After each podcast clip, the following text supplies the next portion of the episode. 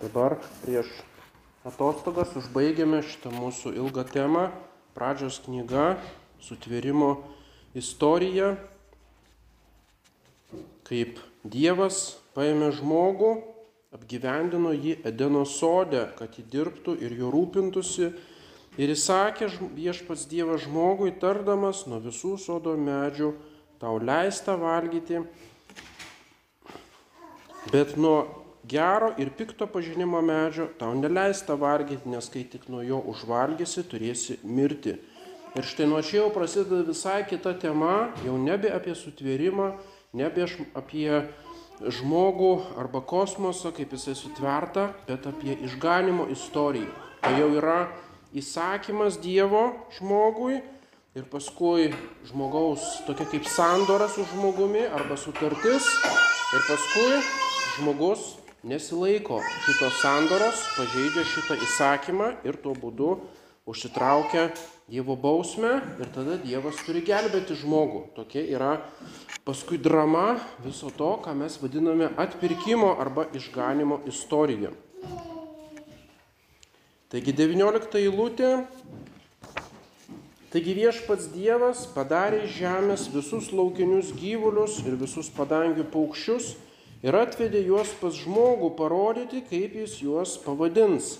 Kokiu vardu žmogus pavadins kiekvieną gyvą būtybę, toks turės būti jos vardas. Taigi, tai pasakojimas apie gyvūnų sukūrimą ir skirtingai negu pirmame pasakojime, jau dabar jiems skiriamas ypatingas dėmesys.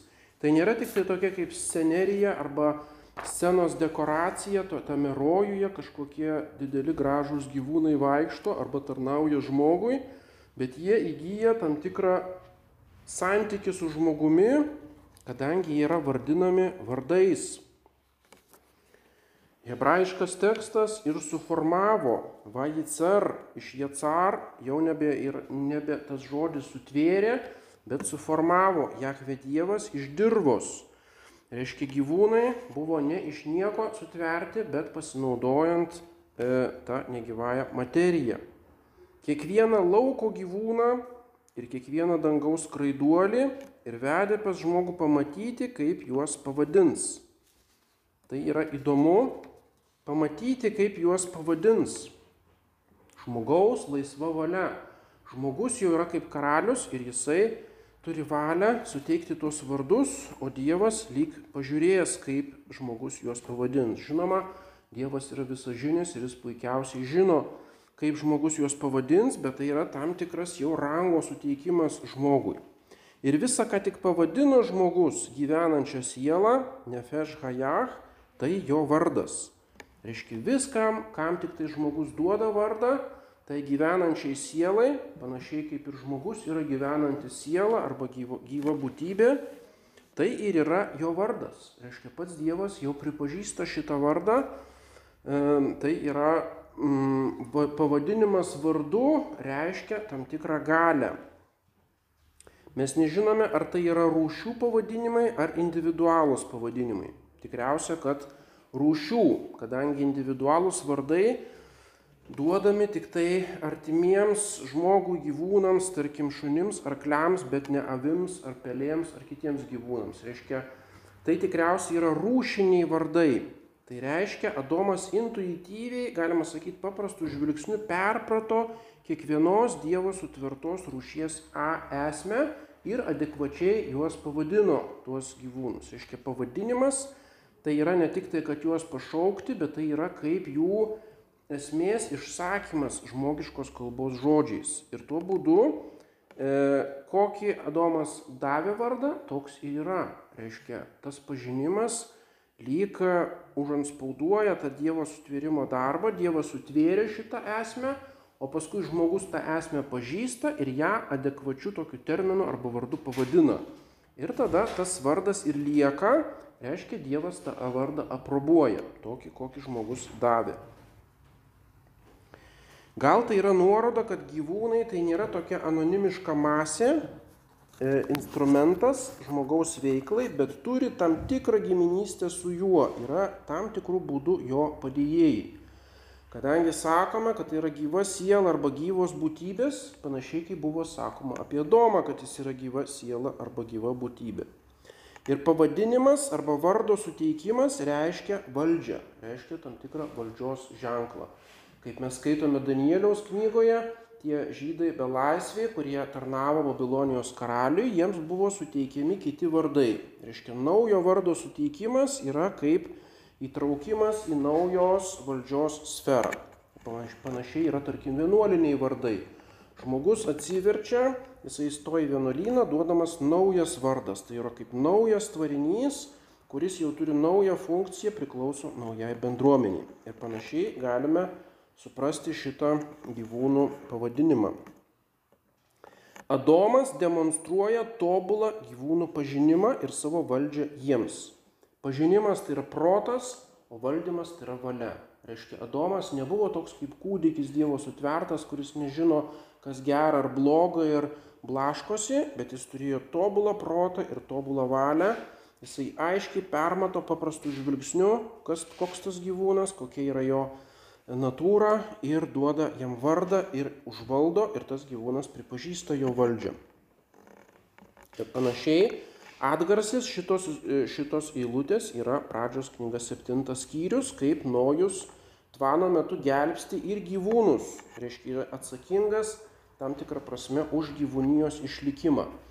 Reiškia, pagal Senąjį testamentą gyvūnai turi tam tikrą solidarumą su žmogaus išganimo istoriją. Aišku, visą šitą galima perdėti ir paskui galima susijęti su moderniu tokiu sentimentaliu prisirišimu prie gyvūnėlių arba ekologija ir taip toliau ir vos neprilyginti gyvūnus žmogui, tai būtų aišku visiškai klaidinga. Tačiau matome iš pradžios knygos ir iš kitų vietų Biblijoje, kad gyvūnai turi tam tikrą e, reikšmę. Ir taip pat šitą eilutę rodo, kad žmogus turi kalbą, Reiškia, jis turi tobulą kalbą nuo pat pradžių, jis e, ne kažkokiais ženklais aiškinasi ar kur, bet jis ištaria žodį ir duoda vardą. Ir tas e, vardas yra adekvatus. Na nu, ir aišku, visi ginčijasi, kokia čia kalba. Aišku, žydai mane, kad Adomas ir Jėva hebrajiškai kalbėjo. E, lietuviai gal mano, kad lietuviškai, nes irgi labai sena kalba. Reiškia, ta pirmykštė kalba, jinai buvo kažkokiu būdu tobulesnė galbūt už e, vėlesnės kalbas, kurios tautiškai, reiškia, susiformavo. Nes e, tos po Babelio bokšto, tos atsiskyrusios kalbos, jos yra jau pažymėtos tuo nuodėmės arba puolimo ženklu, jau jos nėra adekvačios. Tarkim, kai mes tariam kažkokį tai žodį, jau jis yra dviprasmiškas ar trys prasmes, mes e, piknaudžiaujam tą kalbą, kalba niekada tiksliai neišreiškia, reiškia dalykų. Ir visada buvo tasai idealas grįžti prie tos Adomo kalbos, prie to tobulo, kad tu pasakai žodį ir tas žodis yra viena prasmis, aiškus ir tiksliai apima ir išreiškia visą dalykų prasme. Ir kiek tik tai bandė žmonija ir renesanso laikais ir filosofai, reiškia, svarstė, kokia galėtų būti ta tobula kalba, kuri absoliučiai adekvačiai, aiškiai, moksliškai ir be jokių dviprasmybių išreiškia dalykų esmę ir dėja dėja žmogus nesugeba tokios kalbos sukurti. Pradžios knyga 11 skyrius. Visa žemė turėjo vieną kalbą ir tuos pačius žodžius. Ir reiškia, po Babelio bokšto statybos kalbos buvo sumaišytos. Tas vienumas kalbų, tai reiškia, kad žmonijos, žmonių giminėje dar turėjo tą vieningumą ir turėjo tą aiškumą kalbų. Reiškia, visi žmonės galėjo susišnekėti. Adomui leista vadinti arba paminima tik tai gyvūnų vadinimas. Tai reiškia aiškiai minima Adomo valdžia gyvūnams. Tai aišku nereiškia, kad jis neturi valdžios žemėje, tarkim dirvai, kalnams, mineralams arba jūrai arba augalams. Tiesiog Biblija pamini šitą. Bet mes galime daryti išvadą, kad Adomas davė vardus ne tik tai gyvūnams, bet taip pat ir augalams, nes visas rojus buvo tie medžiai, jų įvairūs vaisiai ir taip pat visai tvarinijai, kurios jisai buvo kaip toksai karalius arba dievų ambasadorius. Reiškia, Adomas suvokė, suvokė visų sutvirtų dalykų esmę ir jiems duodavo vardus. Sakoma, kad tie gyvūnai padaryti iš dirvos, reiškia iš žemės. Kaip ir pradžios knygos pirmame skyriuje, reiškia gyvūnų ir žmogaus kilmė panaši. Kūnas yra iš žemės, o e, reiškia e, siela pas žmogų yra įkvėpiama betarpiškai Dievo, o gyvūno siela, galima sakyti, išvedama iš tos potencijos, kuri yra toje materijoje. Gyvūniška siela nėra nemirtinga ir nėra dvasinė, tai yra kaip forma paties to gyvūno materialaus ir kai gyvūnas miršta, tai miršta ir jo siela. Taigi nesakoma, iš kur tos gyvūnų sielos. Taigi remdamėsi tiesiog išvadą galime daryti, kad gyvūnų sielos iš tos pačios materijos kaip ir kūnai. Ir tai yra esminis gyvūnų skirtumas nuo žmogaus. Toliau 20 eilutė. Žmogus davė vardus visiems galvijams, visiems padangių paukščiams ir visiems laukiniams žvėrims, tačiau savo tinkamo bendrininko nesurado. Deja, hebrajiškai ir pašaukė žmogus vardus visų gyvulių ir visų dangaus skraiduolių ir visų lauko gyvūnų, bet žmogui nebuvo rastas padėjėjas stovintis priešais. Reiškia, tas padėjėjas stovintis priešais, e, reiškia, kuris lyg veidrodyje, galima sakyti, atspindi tą Adomą ir tada, būdamas jo atspindys, yra su juo tinkamas bendrininkas arba jam kompanijonas. Taigi gyvūnai negali su žmogumi sudaryti adekvačios bendrijos. Gyvūnai yra pavaldus, kaip ir visas kosmosas, bet jie nesudaro kaip visuomenės arba kompanijos vis dėlto Adomui. Ir štai tada esminė eilutė 21, tuomet viešpats Dievas užmygdė žmogų kietų miegų ir ją miegant išėmė vieną jo šonkaulių ir jo vietą užpildė raumenimis. E, tai yra Biblijos komisijos vis dėlto patvirtinta, kad šitą turime priimti e, pasakojimą kaip istorinį įvykį. Tai nėra simbolinis tam tikras aprašymas, o tai yra dogmatinis faktas, kad Jėva, e, reiškia kaip moteriš, moteriškos giminės pirmasis žmogus, buvo paimtas iš E, jos kūnas paimtas iš Adomo pirmojo vyriško žmogaus kūno. Taigi įvairūs tokie simboliniai aiškinimai čia netinka. Hebrajiškame tekste ir užleido Jahve Dievas gilų miegą, tardemą gilų miegą ant žmogaus ir jis miegojo. Nu tai čia primena kaip uh, chirurgas, kai anestezija reiškia ir užmigdo operuojama E, hebra, e, graikiškam tekste ir uždėjo viešpas Dievas ekstazin. Reiškia, jau čia interpretuoja, kad tai nebuvo kaip anestezija, reiškia toksai kaip užmygimas ir tiesiog dinksta sąmonė, bet tai buvo kaip ekstazija. Reiškia, Adomas, kaip mistinė tokia būsena, galima sakyti, kurioje, kaip vėliau interpretuoja teologai, Adomas suvokė, prasme, giliausią teologinę prasme, kas su juo daroma. O tai reiškia, kad e, ta nauja būtybė, kuri iš jo bus, tai bus jo e, gyvenimo draugė, kad iš to gims šeima, o šita šeima bus e, sielos santykio su Dievu provaizdis. Reiškia taip, kaip Jėva, koks jos yra santykis su Adomu, toks yra sielos santykis su Dievu ta artimiausia vienybė ir nukreipimas vieno į kitą. Taigi graikiškai ir uždėjo viešpas Dievas ekstazę Adomui ir jisai užmygo hipnozę. Reiškia ekstazė ir hipnozė, kažkas panašaus. Ir išėmė vieno jo šonkaulių pleuron, reiškia, kur aiškiai yra šonkaulis ir hebrajiškam tekste ir graikiškai E, visiškai aiškus identifikavimas kaulo ir užpildė mėsa vietojo. Ir čia visiškai aišku, kad tai nėra kažkokia legenda, kuri remiasi kaip paaiškinimu, tokiu mitologiniu paaiškinimu kažkokių tai anatominių savybių. Nes visiems visiškai akivaizdu, kad tiek pas vyrus yra šonkaulių, tiek pas moteris ir pas vyriškos giminės e, žmogiškas būtybės netrūksta nei vieno šonkaulio. Ir visiškai aišku, kad tai buvo atskiras toksai intervencija būtent tam Adomui ir tai buvo kaip ypatinga mm, ypatingas aktas ir ne kažkoks tai toksai tik tai pa, paaiškinimas kvazi mitologinis. Pradžios knyga 15 skyrius apie Abromą. Sauliai leidžiantis Abramą, kuris dar buvo vadinosi Abramas, ne Abromas, apėmė didelis miegas ir jį apkaupė didelė baisi tamsa. Ir tuomet įvyko viešpatės vizija, reiškia, ta kaip ekstazinis toksai būsena arba miegas, jisai minima dažniau Senajame testamente. Arba 1 Samuelio knyga 26 skyrius, kietas miegas iš viešpatės buvo juos apėmęs. Arba Jobo ketvirtas skyrius nuo minčių kilusių iš nakties regėjimų, kai kietas miegas apima mirtinguosius, mane pagavo klaikas ir šurpulys, drebėjo visi mano kaulai. Tai nėra paprastas miegas ar kažkokia, reiškia, pažodiškai hipnozė ar narkozė, bet būtent tai tam tikra mistinė būsena, ekstazinė būsena.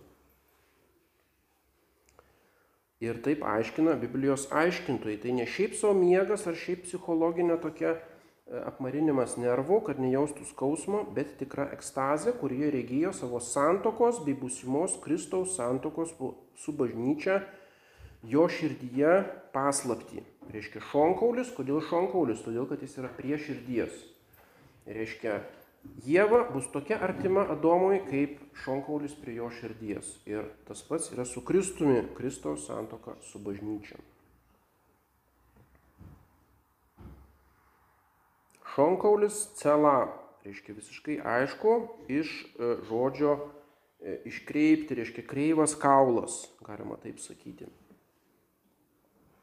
Ir paskui m, išveda kai kurie tam tikras simbolinę reikšmę iš to kreivumo. E, antra Samuelio knyga 16 skyrius reiškia kalno šlaitą arba šoną, tas pats, tas pats e, žodis, o išėjimo knygoje 27 altoriaus šoną. Reiškia tas šonkaulio žodis hebrajiškai turi tam tikrą ir liturginę nuorodą, galima sakyti, į altoriaus šoną.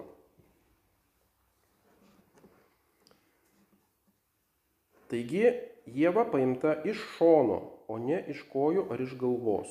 Ir būtent šonas pabrėžia artumą širdžiai ir meil, e, abipusę meilę. 22 eilutė, o iš šonkaulio, kurį viešpats Dievas buvo išėmęs iš žmogaus, padarė moterį ir atvedė ją pas žmogų. Hebrajiškai ir pastatė Jahve Dievas šonkaulį. Taip kaip sakėme, paėmė Adomą ir pastatė rojuje, taip dabar tas pats žodis iš Banach reiškia pastatė Jahve Dievas šonkaulį, kurį išėmė iš žmogaus į moterį.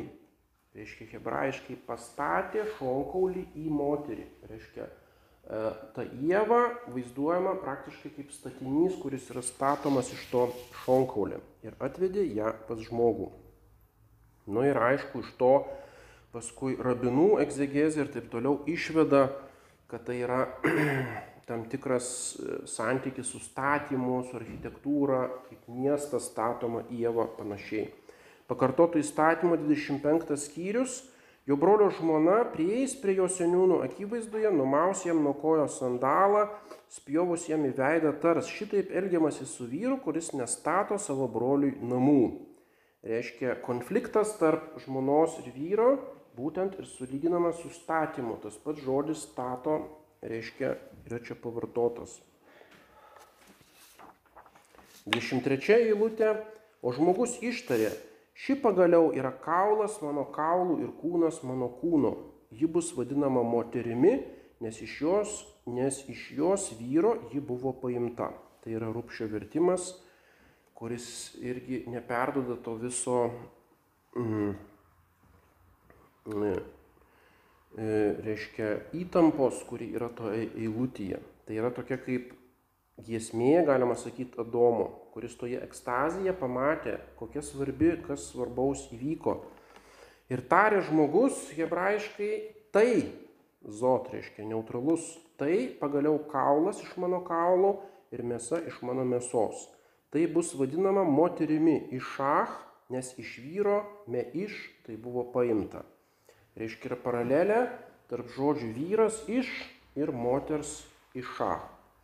Nu ir tai mm, mm, latiniškoje Biblijoje šventasis Jeronimas labai taip tiesiogiai ir išverčia hek vokabitur virago quoniem de vyro sumta est. Reiškia, jinai bus vadinama vyrė, nes paimta iš vyro. Galima taip išversti. Ta vyrė virago pabrėžia moters aktyvumą. Reiškia, moteris nėra tik tai kaip e, tokia pasyvi pagalbininkė, bet jinai turi kažką vyriško turėti savyje. Ir tas vyriškumas tų narsių moterų paskui daugelį vietų Senajame testamente pabrėžiama. Reiškia, virago, tai yra tokia kaip didvyrė, narsuolė, jinai paimta iš vyro ir jinai narsiai stovi prie vyro šono ir reiškia, yra jo verta pagalbininkė. Šitame toje eilutėje galime išvelgti mokymą apie monogamiją ir santokos neišardomumą. Iš vieno vyro paimta viena moteris ir jie sudaro vieną santoką. Tai yra monogamija, ne poligamija, ne vienas vyras daug žmonių, ne žmonų, ne poliginija, kur yra viena moteris ir daug vyrų, bet monogamija. Reiškia, monogaminė šeima yra kaip idealas, kuri remiasi pačia žmogaus prigimtimi arba Dievo sutvėrimo planu. Tai nėra kažkoks kultūrinis žmonių įvedimas. Atseit buvo daug įvairių šeimos formų ir paskui dėl ekonominių priežasčių nusistovėta ties monogamija. Nieko panašaus. Galime taip pat iš etnografijos ir iš kitur parodyti, kad šitą vadinama nuklearinė arba brandolinė santoka, santoka, šeima iš vieno vyro, vienos moters ir e, vaikų, jinai yra kaip pirmykštė, pirmykštis idealas santokos, o visos kitos, reiškia poligamijos ir taip toliau, jos yra tik tai vėlesnis e, nukrypimas nuo šitos normos. Ir taip pat tai yra kaulas iš mano kaulų, mėsa iš mano mėsos. Tai reiškia san, santokos neišardomumas. Todėl paliks vyras savo tėvą ir motiną, jisai glaudžiasi prie savo žmonos ir jie tampa vienu kūnu. Tai pabrėžiama vienu kūnu, reiškia pabrėžiamas griežtas, e, reiškia absoliutus vieningumas e, šitos šeimos ir paskui iš tų eilučių išvedama, e, išvedama visa teologija apie šeimą, kas tai yra šeima, kuo jinai remiasi, kad tai nėra atsitiktinis arba grinai pasaulietinis tik tai žmonių sutarimas arba kažkoks tai kontraktas žemiškiams interesams, bet tai yra teologinė tiesa, santoka, e, lyčių komplementarumas, reiškia papildomumas ir lyčių e, harmonija, tai yra dieviško plano dalis. Efeziečiams penktas skyrius, viską, visą tai remiasi, visą tą teologiją paštalo Pauliaus, būtent tą eilutę. Taip ir vyrai turi mylėti savo žmonas, tarytum savosius kūnus. Kas myli žmoną, myli save patį, juk niekas niekada nėra nekentę savo kūno, bet jį maitina ir globoja kaip ir Kristus bažnyčia. Mesgi esame jo kūno nariai, todėl žmogus paliks tėvą ir motiną ir glausis prie savo žmonos ir du taps vienu kūnu. Šita paslaptis yra didelė, latiniškai sakramentų magnum, reiškia santoka yra tikras sakramentas ir netgi didelis sakramentas. Aš tai sakau, žvelgdamas į Kristų ir bažnyčią. Reiškia, santokos sakramentas yra kaip atspindys, atvaizdas Kristaus santykio su bažnyčia. Taigi kiekvienas jūsų te myli savo žmoną kaip save patį, o žmona te gerbė vyrą.